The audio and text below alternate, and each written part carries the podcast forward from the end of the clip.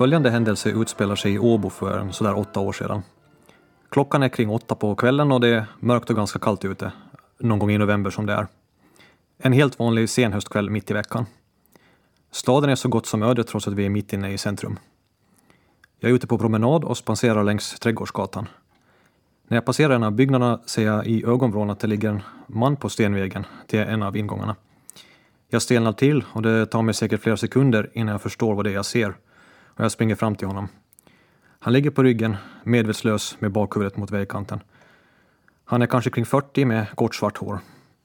Mörka röda fläckar som ser ut som blod ligger på marken kring hans huvud. Men han verkar andas. I panik drar jag fram mobiltelefonen och ringer 112. Det tar ett antal ringsignaler innan det svarar. Det är första gången i mitt liv som jag har behövt ringa 112 och det jag minns från otaliga påminnelser i skolan är att när man ringer 112 så ska man presentera sig med namn och adress. Så jag börjar med Hej, jag heter Mikael Stormbom och jag befinner mig på Trädgårdsgatan och jag hittar en medvetslös man här. Eh, till svar får jag eh, uh, suomea? Efter många år i Åbo talar jag förvisso helt okej finska. Eh, som en ren principsak har jag alltid talat svenska och enbart svenska med myndigheter. Men i just det här ögonblicket, där varje sekund faktiskt kan vara livsavgörande, är jag villig att göra avkall på mina principer. Men då är all finska som jag någonsin lärt mig som bortblåst. Inte ett ord kommer jag ihåg. Den expertis jag fick i inre och yttre lokalkursus på finska lektionerna i skolan hjälper mig inte ett dugg. Karn kommer ju vara hjärndöd innan jag lyckas hitta orden, så jag bestämmer mig för att försöka på engelska istället. Det faller på att personen i andra änden av tråden, trots att hon gör så gott hon kan, inte förstår vad ordet unconscious betyder. Hon stammar några ord på engelska, men ger till slut upp och frågar ännu en gång om jag talar finska. Vid det här laget, i fullständig panik om en mans liv på mitt samvete för att jag inte hade varit tillräckligt uppmärksam på finska lektionerna, börjar jag närmast halvskrika i luren att jag inte förstår vad hon säger. Så mycket finska förstår jag ändå när hon säger att hon kopplar mig vidare till en annan person istället. Jag väntar i vad som känns i en evighet på svar.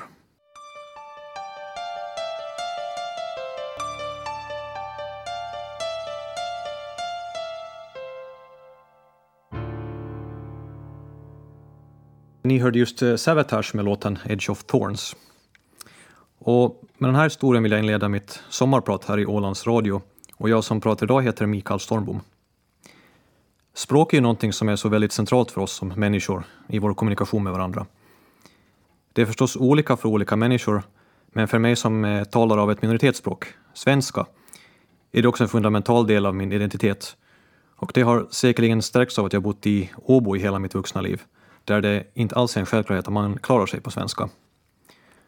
Och som ni hörde i inledningen kan det till och med vara en fråga om liv och död.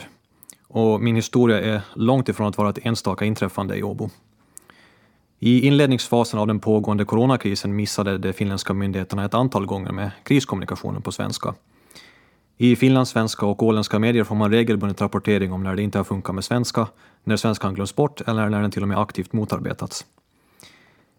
Men det är egentligen inte det som mitt sommarprat kommer att handla om. Jag skulle vilja vara lite mer lösningsorienterad och fokusera mig på de möjligheter som finns med språk och modern teknologi, speciellt då artificiell intelligens eller AI. AI är ju ett trendord utan dess like och det är ett begrepp som har så många olika betydelser att det nästan är meningslöst. Så därför tycker jag att det också vore på sin plats att berätta lite om vad det egentligen innebär och speciellt vad beträffar språk. För det finns en stor potential för att möjliggöra flerspråkig kommunikation. Tänk om det nästa gång jag behöver ringa 112 en robot som svarar, på perfekt svenska och som ger exakta instruktioner, kan hjälpa mig att hålla mig lugn i en krissituation och se till att hjälp kommer ögonblickligen. Om det är en utopi eller en dystopi får ni avgöra själva. Men vad vet då jag om AI och språk? Jag har egentligen arbetat med det på olika sätt och i olika roller under hela mitt yrkesverksamma liv. Jag är född och uppvuxen på Åland och trots att jag bott i Åbo i två årtionden, eller kanske tack vare, är jag och kommer jag alltid att vara i första hand ålänning. Jag flyttade till Åbo för att studera och eh, medan jag fortfarande studerade datateknik vid Åbo Akademi för ens där 15 år sedan började jag arbeta som programmerare vid ett litet företag i Åbo som utvecklade mobila applikationer. Det här är så långt bak i tiden att man inte ens hade börjat kalla dem för appar ännu. Eh, men applikationer då för personer med vissa slags kommunikativa svårigheter. Eh, både vad gäller att uttrycka sig muntligt eller att förstå text. Den här appen fungerade på så vis att den kunde översätta enklare meningar som man behöver i vardagslivet och också en större mängd enskilda ord till bilder och symboler. Men också vice versa, från bilder till text och till tal. Så att man alltså kunde kommunicera med hjälp av dessa bilder.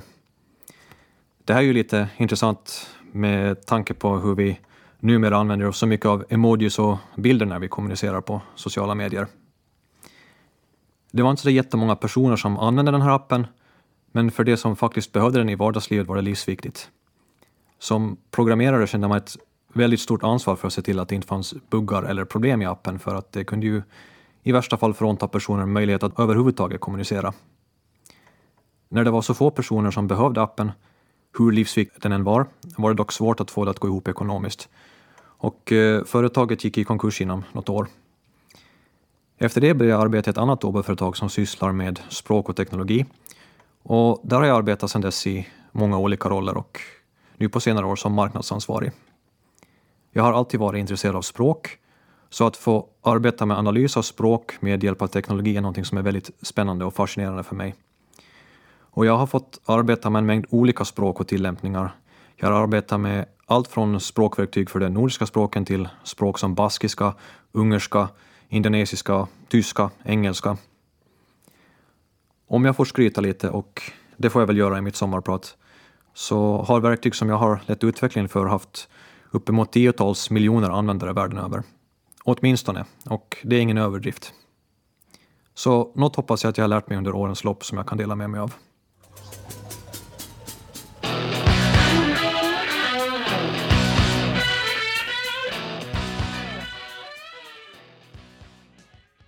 Det där var Aerosmith med Rats in the Cellar. Jag gillar egentligen inte begreppet AI, för det är ett så diffust begrepp med många olika definitioner och det är lite grann i betraktarens öga vad det egentligen betyder. Det är ett eh, buzzword som kan ge en tankebild om science fiction-robotar och program med självmedvetande som i Terminator eller Matrix-filmerna. En del inkluderar nästan all slags automatisering med hjälp av datorprogram i AI-begreppet. Och det inträffar ofta att saker som tidigare varit svårt eller omöjligt att utföra med datorprogram för en tid räknas som AI, men när det väl har blivit gammal skåpmat så faller det bort från definitionen.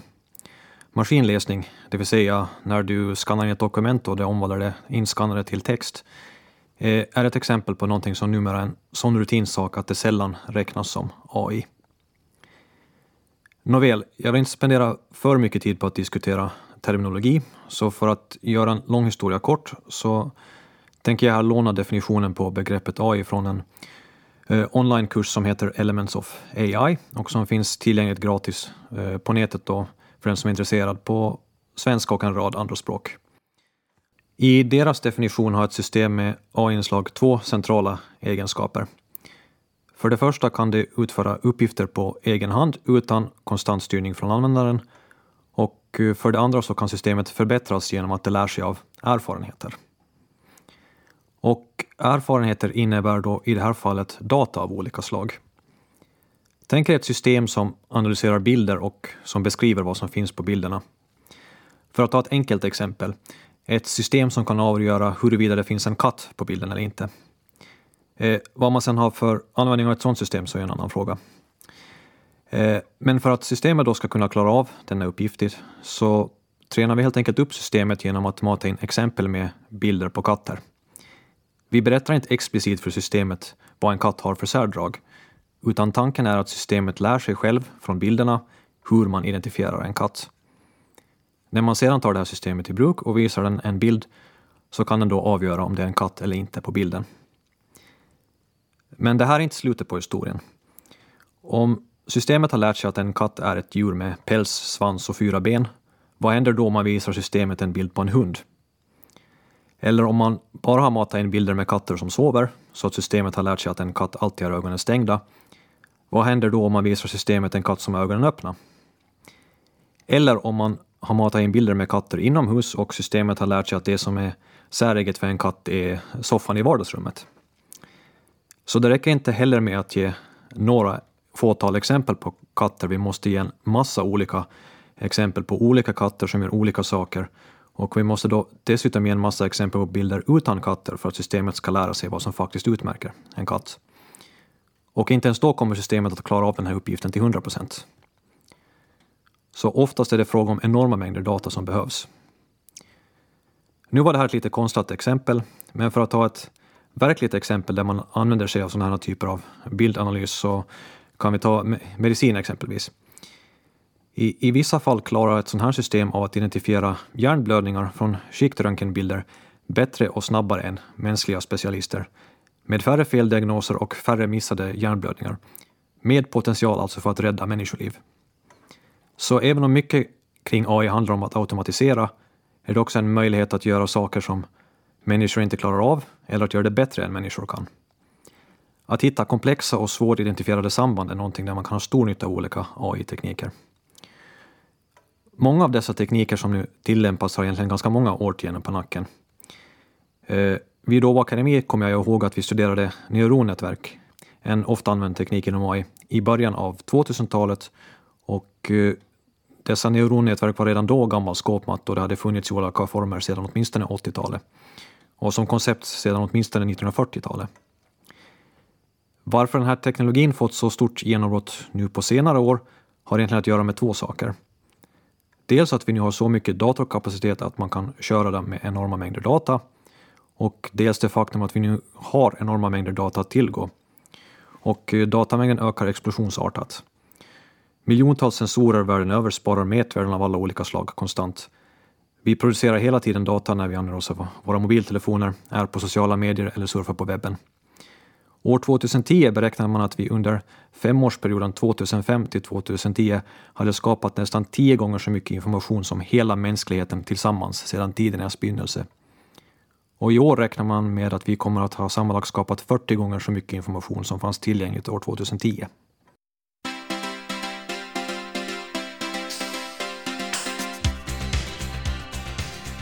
Det där var Erasure med A Little Respect. Ett jättespännande område som jag då alltså arbetar med under ganska lång tid är analys och hantering av mänskligt språk, både skriftspråk och talspråk. Speciellt under de senaste åren har jättemycket hänt på det här området och saker som bara för några år sedan framstod som omöjliga är idag en del av vardagen.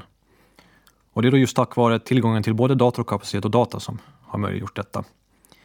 Det finns hur många tillämpningsområden på detta som helst Eh, stavnings och grammatikkontrollen i Microsoft Word är ett exempel på detta som man kanske inte tänker på.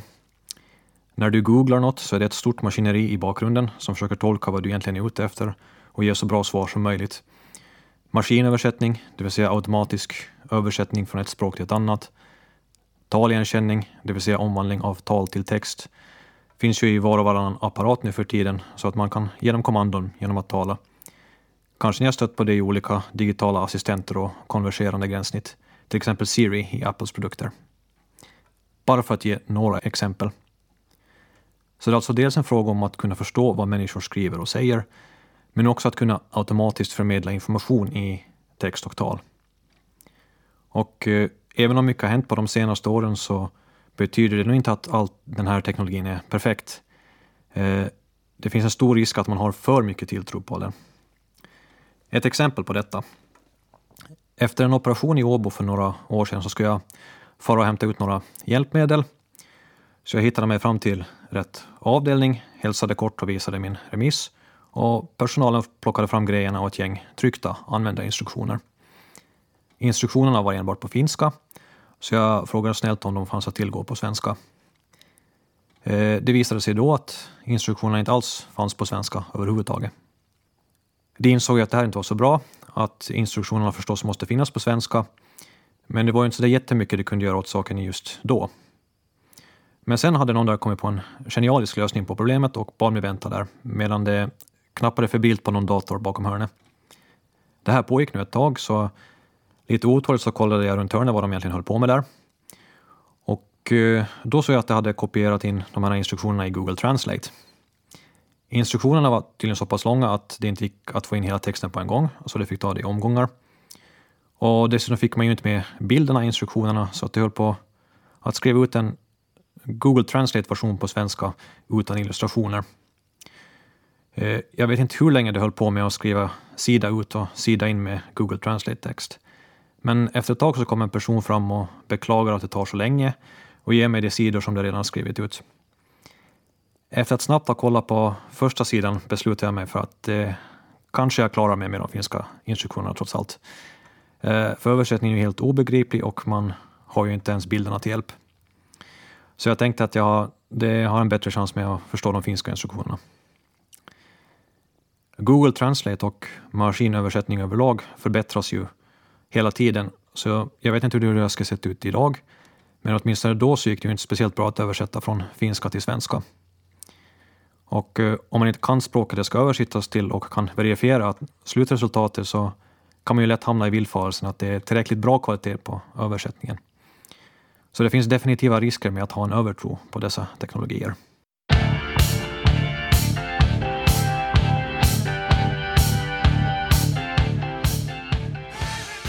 Det där var Whitesnake med Don't Break My Heart Again. Ni lyssnar på Sommarprat i Ålands Radio och jag som pratar idag heter Mikael Stormbom. På tal om det där med översättningar så är det ju inte sagt att människor gör så mycket bättre ifrån sig än maskinen. Jag hade alltså varit på en mindre operation vid universitetssjukhuset i Åbo och det interna språket där är finska.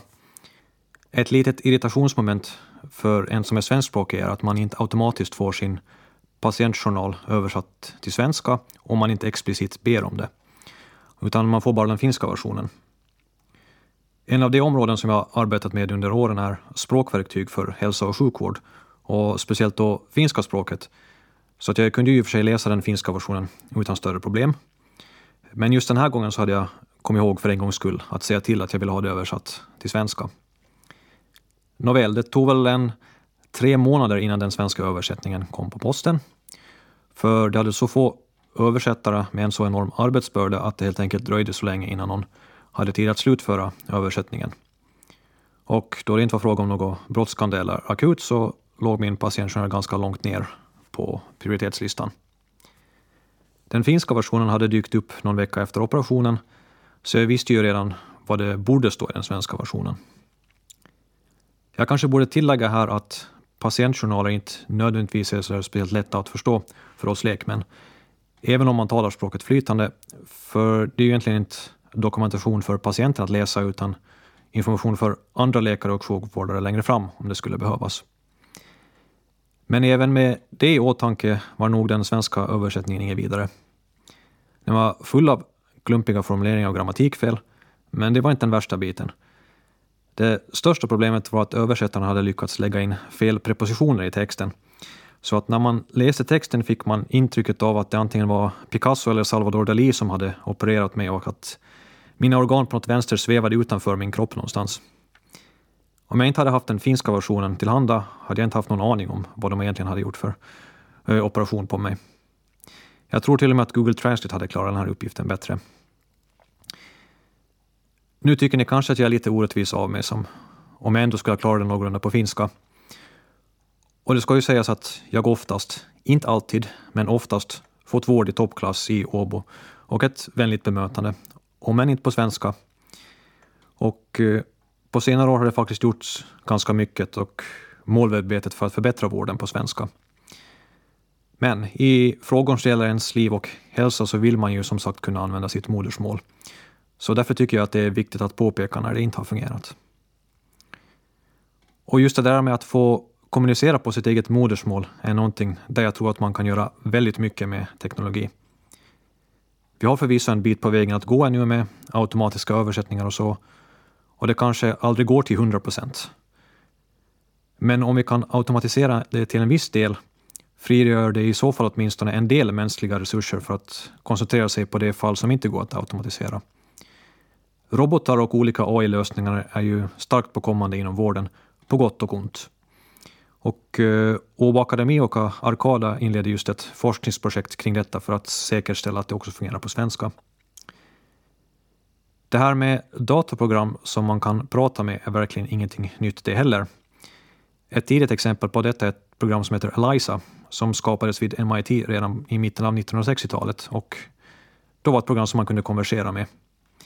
Och det här programmet lär ha varit så pass övertygande att många personer antingen trodde att det var fråga om ett program med mänsklig intelligens eller att det satt en människa i andra änden och skrev svaren. FBA i Finland testade för något år sedan en chatbot eh, Det vill säga ett system som automatiskt kan svara på frågor. Så jag tänkte jag skulle prova den och jag gick in på deras webbsida. Botten hälsade enbart på finska och verkade enbart prata finska, så lätt irriterad som jag var, FBI är ju trots allt en tvåspråkig organisation, skrev jag som svar på dess hälsning ”Talar du svenska?” Varpå chatbotten svarade att jag betjänar tyvärr inte på svenska. Så på sätt och vis var det en väldigt realistisk återgivning av hur verkligheten ofta ser ut i tvåspråkighetens Finland.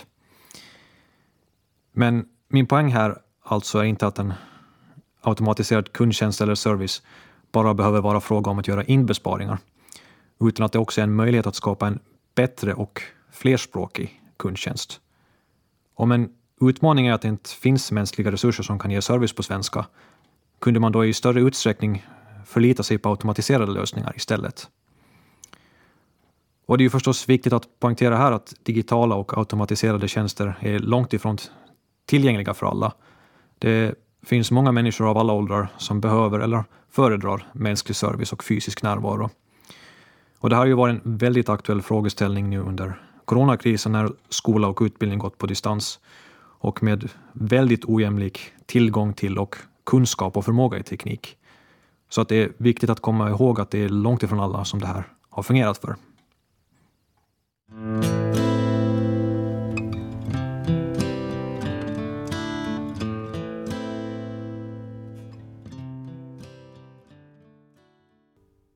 Det där var Johnny Cashs version av Hurt. Det ska ju tilläggas att svenska som minoritetsspråk i Finland har en relativt bra ställning jämfört med många, många minoritetsspråk världen över. Eller ens andra språk i Finland för den delen. Jag tycker att det är viktigt att uppmärksamma brister, för ingenting blir ju bättre om man inte påtalar dem eller, eller om man försöker sopa dem under mattan. Men det är ju ändå bra att hålla saker i perspektiv. Och det är också värt att hålla i åtanke att bara här på det enspråkigt svenska öriket Åland talas det över 60 olika språk. Och som svenskspråkig så har man ju tillgång till en massa litteratur, kultur och media på svenska. Det finns ju trots allt åtminstone 10 miljoner människor som talar språket världen över. Och så är det ju inte fallet för många minoritetsspråk. Det talas cirka 6 000 språk i världen och av dem så har 2 000 färre än 10 000 talare. Mer än 40 procent av alla de språk som talas idag anses vara utrotningshotade enligt statistik från Unesco. Många mindre språk har det extremt tufft i digitaliseringens tidevarv, där engelska och några av de större språken är totaldominerande på internet. Någonstans mellan 55 och 60 procent av alla webbsidor på internet är på engelska. Och ryska är förresten god två med kring 8 procent. Man talar om digital utrotning att mindre språk dör ut då det finns så lite digitalt material och möjligheter att använda språken. Många av de teknologier som jag pratat om kräver ju stora mängder data för att fungera väl och för mindre språk finns det oftast inte sådana mängder data att tillgå. Som ett exempel på detta kan vi ta isländskan. De yngre generationerna använder i allt större utsträckning engelska som kommunikationsspråk, även med andra islänningar, och eh, på internet är det allt som oftast engelska som gäller. Så man är genuint oroad för hur det kommer att gå för det isländska språket och man är rädd för att det kommer att dö ut inom några generationer. Därför pågår det nu ett större initiativ på Island för att säkerställa att det finns isländskt material online och att det finns teknologier som stöder det isländska språket. Och för ännu mindre språk som exempelvis de samiska språken är ju utmaningarna ännu mycket större. Det finlandssvenska teckenspråket, som alltså är skilt från både svenskt teckenspråk och finskt teckenspråk, räknas som ett allvarligt utrotningshotat språk med på sin höjd ett 300-tal personer som kan språket. Engelskans dominans är en utmaning även för de större språken i Norden. I Finland är man oroad för svenskans framtid. Eller ja, okej, okay, en del av oss är det i alla fall. Men också majoritetsspråket, finskan, har stora utmaningar i framtiden inom ett antal områden. Exempelvis finskan som ett akademiskt språk. En allt större del av universitetsutbildningarna går på engelska och man skriver examensarbeten och artiklar på engelska för att nå en större publik. En forskare vid Tammerfors universitet uttryckte för något år sedan i Hufvudstadsbladet en oro kring finskan i hälsovården då ett allt större antal läkare inte talar flytande finska. Så nästa gång någon frågar mig varför jag inte bara talar finska istället så kan jag kontra med att vi kan ju lika gärna köra allt på engelska.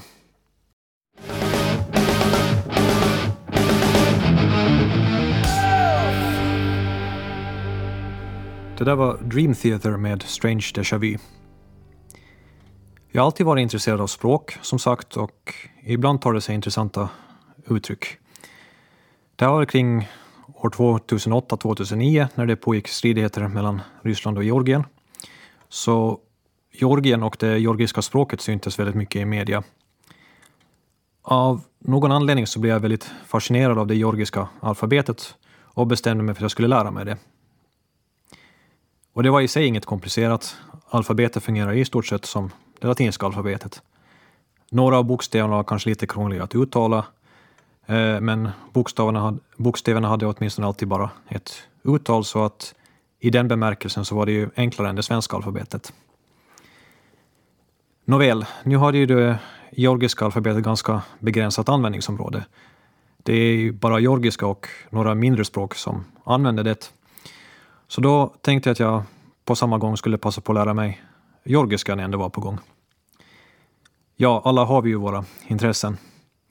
Men det, det är någonting väldigt fascinerande med att lära sig ett nytt språk. Att förstå hur det är uppbyggt, på vilket vis det liknar svenska och på vilket vis det skiljer sig. Läromedel i det georgiska språket var det ju inte direkt en överflöd på. Men jag lyckades hitta några böcker på tyska och ryska som jag tragglade mig igenom. Om ni tycker att eh, finska är krångligt när man raddar suffix på suffix i slutet av ordet så gör man det ännu mer krångligt i georgiska då man utöver suffix också har prefix i början av orden när man böjer dem. Speciellt verb är extremt krångliga i georgiska. Och när man lär sig språket så lär man ju sig på samma gång om georgisk kultur, eh, historia och Georgien som land. Så när det var dags att bestämma sig för vad man skulle göra på semestern så bestämde jag mig för att att eh, dra till Georgien. Så det var väl ungefär två år efter kriget som jag helt på egen hand for till Tbilisi, Georgiens huvudstad. Min nybörjar-georgiska kom jag väl inte så jättelångt med i slutändan. Eh, men jag hade studerat ryska så att jag kunde ta mig fram på det. Ryska var ju då allmänt gångbar i Georgien. Det var ju då som sagt efter kriget, så jag var väldigt osäker på hur det skulle uppfatta det om jag sprang omkring där och snackade ryska. Men det visade sig ganska snabbt att det inte var något större problem. Och ingen hade egentligen några större aversioner mot det ryska språket. Åtminstone så som jag upplevde det. Däremot var det väldigt överraskande att folk från Finland var på besök. Eh, jag var ute en dag och en person kom fram till mig och bad om eld till cigaretten och hämnade till den när jag insåg att jag var från utlandet. Han var genuint förvånad att personer från utlandet utanför det forna Sovjet dessutom skulle komma och turista där i, i Georgien av alla ställen på jorden. Är du journalist eller varför är det här? frågar han mig. Men vi började snacka och eh, fick bra kontakt och han visade mig runt där i Tbilisi. Och eh, man får ju ett helt annat perspektiv på staden och landet när man eh, umgås med personer som faktiskt bor där. En väldigt fascinerande stad och ett väldigt fascinerande land, Georgien. Ett resmål som jag varmt kan rekommendera. Nu är det länge sedan jag använt mig av georgiska, så mycket av det jag lyckats lära mig är bortglömt. Men några frasråd finns väl kvar ännu. Eh, jag kan säga Didi Madloba till exempel. Tack så mycket. Gilotsav Dabadebis Dris betyder grattis på födelsedagen. Åland heter för övrigt Alandis Kuntsulebi på georgiska om det är någon som undrar. Bokstavligen Ålands öar.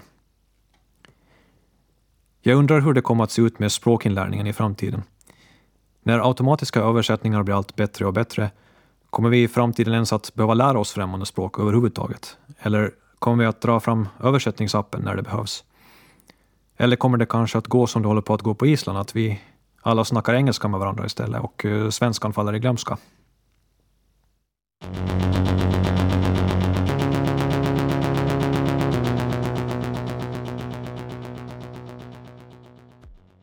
Det där var Robin med Dancing on my own. Ni lyssnar på Sommarprat i Ålands Radio och dagens sommarpratare heter Mikael Stormbom. Jag pratar en del om möjligheter och potential med språk och AI. Men det finns dock en hel del utmaningar och, problem som jag tycker att det är viktigt att hålla i åtanke. Ett stort problem är om det finns brister och partiskhet i den data som man använder för att lära upp systemet. Systemen är ju som sagt uppbyggda på så vis att man matar in en stor mängd med exempel och systemet lär sig på basis av det hur det ska agera. Så om det är problem med datan kommer det att inverka på det resulterande systemet. Eh, om datan inte är en bra representation av verkligheten kan det ha dramatiska konsekvenser när man väl försöker använda systemet i verkliga livet. Ett exempel på detta är system för analys av bilder och vad som finns på bilderna. Jag gav tidigare ett förenklat exempel på ett system för bildanalys och principerna är här då de samma. Så Google hade skapat ett sådant system för att automatiskt identifiera innehållet i bilder för sin Google Photos-tjänst. Och den här tjänsten har då stora problem med att identifiera människor som just människor. Och eh, speciellt då mörkhyade människor identifierade systemet på ett i vissa fall rent rasistiskt vis. I en undersökning som den amerikanska regeringen utförde förra året, där man jämförde cirka 200 olika ansiktsigenkänningssystem. Och det här är då system som redan används i bland annat övervakning och brottsbekämpning. Och eh, där noterar man att så gott som samtliga av dessa system diskriminerade på basis av hudfärg. Om man hade vit hudfärg var det betydligt mindre risk att man skulle bli felidentifierad, eh, det vill säga i en brottsbekämpningskontext att man skulle bli falskt anklagad för brott. Så det där med att lära systemet med rätt och komplett och mångfald i data är jätteviktigt. Och om datan på något vis är partisk så blir ju det resulterande systemet det också. Det här är ju någonting som är väldigt lätt att missa på om till och med Google, som är experter på AI, om någon är det. Så om de kan göra det så kan vem som helst göra det. För det var ju inte så att eh, Google hade bestämt sig för att skapa ett rasist-AI, utan det var just problem med datan som resulterade i detta. System för taligenkänning kan vara väldigt problematiska och otillgängliga om de inte klarar av olika dialekter eller brytningar eller olika former av talsvårigheter. Och det här är ju saker som man måste ta i beaktande om man faktiskt vill att det ska vara tillgängligt. Just det här med den data som man lär upp systemen med är den mest fundamentala och det mest centrala i hela systemet. Och det är därför där som mycket arbete ofta behöver göras för att man ska få det bra.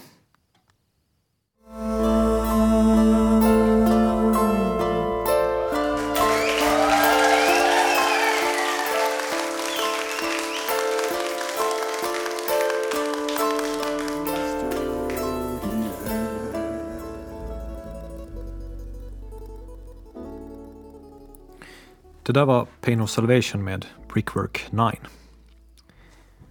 Så om det finns en partiskhet i datan så är det ett problem.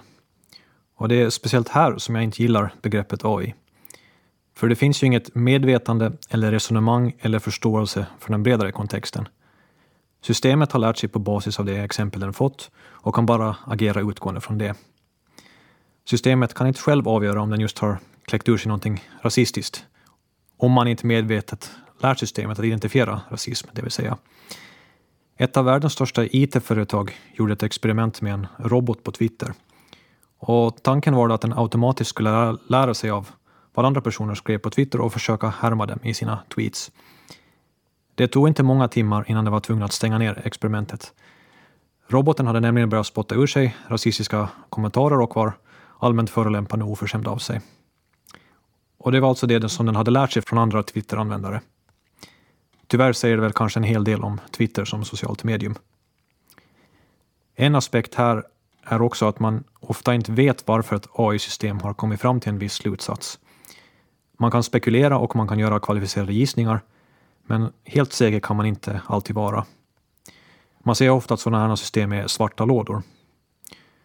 Och det här är då en konsekvens av att vi vill att systemen själva ska försöka hitta de utmärkande dragen och sambanden i inlärningsdatan. Och det finns då viktiga frågeställningar kring diskriminering och ansvarsfrågor. Eh, exempel med ansiktsigenkänning visar att det är extremt lätt att omedvetet bygga in diskriminering i systemen. Tänk er system som tar beslut om ens hälsa och sjukvård och liv och död. Det är sällan som sådana här system, ens i bästa fall, har 100% korrekt i sina omdömen. Och även om den kan ha rätt oftare än en människa som skulle göra samma bedömning, så det är fortfarande inte fråga om 100 procent. Tänk er självkörande bilar. Om det sker en olycka, vem är det som är ansvarig? Det här är sådana frågeställningar som vi kommer att få handskas med framöver när de här teknikerna blir allt mer använda.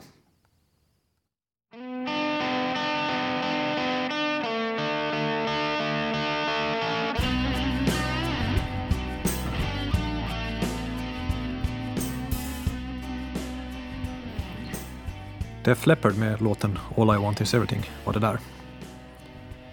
Jag tror också att en stor utmaning med AI är det faktum att det är enormt överhypat och att det finns en enorm övertro på dess potential. Och det kan bara oundvikligen leda till besvikelse när den inte kan leva upp till väldigt högt ställda förväntningar. En av orsakerna är att begreppet AI är så diffust och eh, ordet intelligens i artificiell intelligens är definitivt missvisande.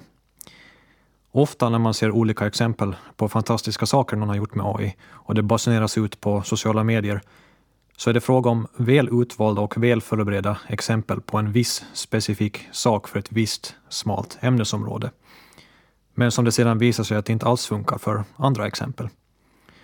Bara för att ett system kan utföra en viss specifik uppgift väl betyder det inte att den kan utföra en liknande slags uppgifter eller ens andra slags uppgifter väl. Så det finns definitivt en risk för en AI-bubbla och förlorade år där utvecklingen står still. Det här vore jättesynd för det finns ändå en stor potential på många plan, bara man har realistiska förväntningar. En gång när jag skulle logga in på Åbos webbsida för sjukvården och skulle boka en tid till undersökning noterade jag att det plötsligt stod där att mitt modersmål är finska. Det här stämde ju då inte alls och det är som sagt viktigt för mig att få kunna använda svenska när det är fråga om hälsa och liv. Så jag drog iväg ett mejl och frågade hur det här kunde komma sig. Jag är ju trots allt definitivt registrerad som svenskspråkig i diverse nationella databaser. Jag fick som svar att det här systemet som det använde var så bristfälligt att det inte kunde ta information om ens persons modersmål från de här databaserna och den här informationen hade då matats in manuellt istället. Varför det hade gissat att jag var finskspråkig vet jag inte. Eller om det var en fråga om att om det var en fråga om ett mänskligt misstag eller om de helt enkelt hade lagt finska som modersmål för alla personer. I vilket fall det då plötsligt inte fanns några svenskspråkiga i Åbo. Och då är det ju för sig lätt att möta behovet av svenskspråkig hälso och sjukvård. Men det är en sak som jag också ville illustrera med FBAs chatbot-experiment. Det spelar inte så stor roll om teknologin har potential om man inte utnyttjar den potentialen.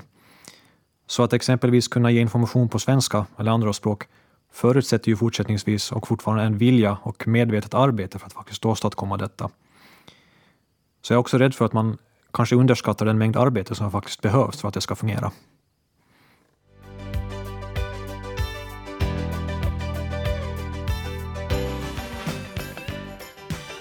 Chris Ria var det där med låten Two Roads. Så det finns alltså en hel del utmaningar och saker man måste tänka på med AI för olika användningsområden, språk däribland. Men med målmedvetet arbete finns det också en fantastisk potential för att skapa ett mer tillgängligt och ett mer jämlikt samhälle. Det är ju fråga om verktyg och det är upp till oss som använder verktygen vad vi gör med dem. Förresten, jag glömde visst att avsluta historien som jag inledde programmet med. Jag var alltså på promenad i Åbo och hade hittat en medvetslös man på gatan och hade ringt 112. Det talade bara finska och min, i min panik var alla finska kunskaper bortblåsta, så jag väntade på att de ska koppla mig till någon som kan svenska. Efter vad som känns som en evighet så svarar äntligen någon som då kan svenska och jag förklarar situationen än en gång. Medan det här pågår så öppnar mannen plötsligt ögonen och sätter sig upp och ser frågande på mig. I en blandning av panik, lättnad och allmän konfundering så lyckas jag kläcka ur mig i telefonluren att uh, han vaknade just till. Jag ombeds att ge honom telefonen så att uh, den på nödcentralen kan prata med honom. It's for you, säger jag förläget och ger honom telefonen. Efter en minuts konversation ger han mig telefonen tillbaka och nödcentralen säger då att han påstår sig må bra och inte alls är i behov av hjälp och därför så skickar de ingen ambulans eller hjälp. Jag säger okej okay och tack och lägger på luren. Han ställer sig upp och jag frågar honom på engelska om han mår bra. Han tackar för hjälpen och säger att han är helt okej okay och han hade bara vilat ögonen lite. Därefter plockar han fram en nyckel och går in i byggnaden som han då tydligen bodde i. Jag fortsätter min promenad hemåt med tunga steg. Varför karln tyckte att det varit en bra idé att han tupplar utomhus en kall novemberkväll får jag aldrig reda på. Jag är lättad över att det i slutändan inte var något värre, men samtidigt skakad och lätt förbannad över att samtalet med 112 och hur illa det kunde ha gått. Jag heter Mikael Stormbom och jag har varit er sommarpratare idag i Ålands Radio. Jag vill önska er alla en fortsatt trevlig sommar.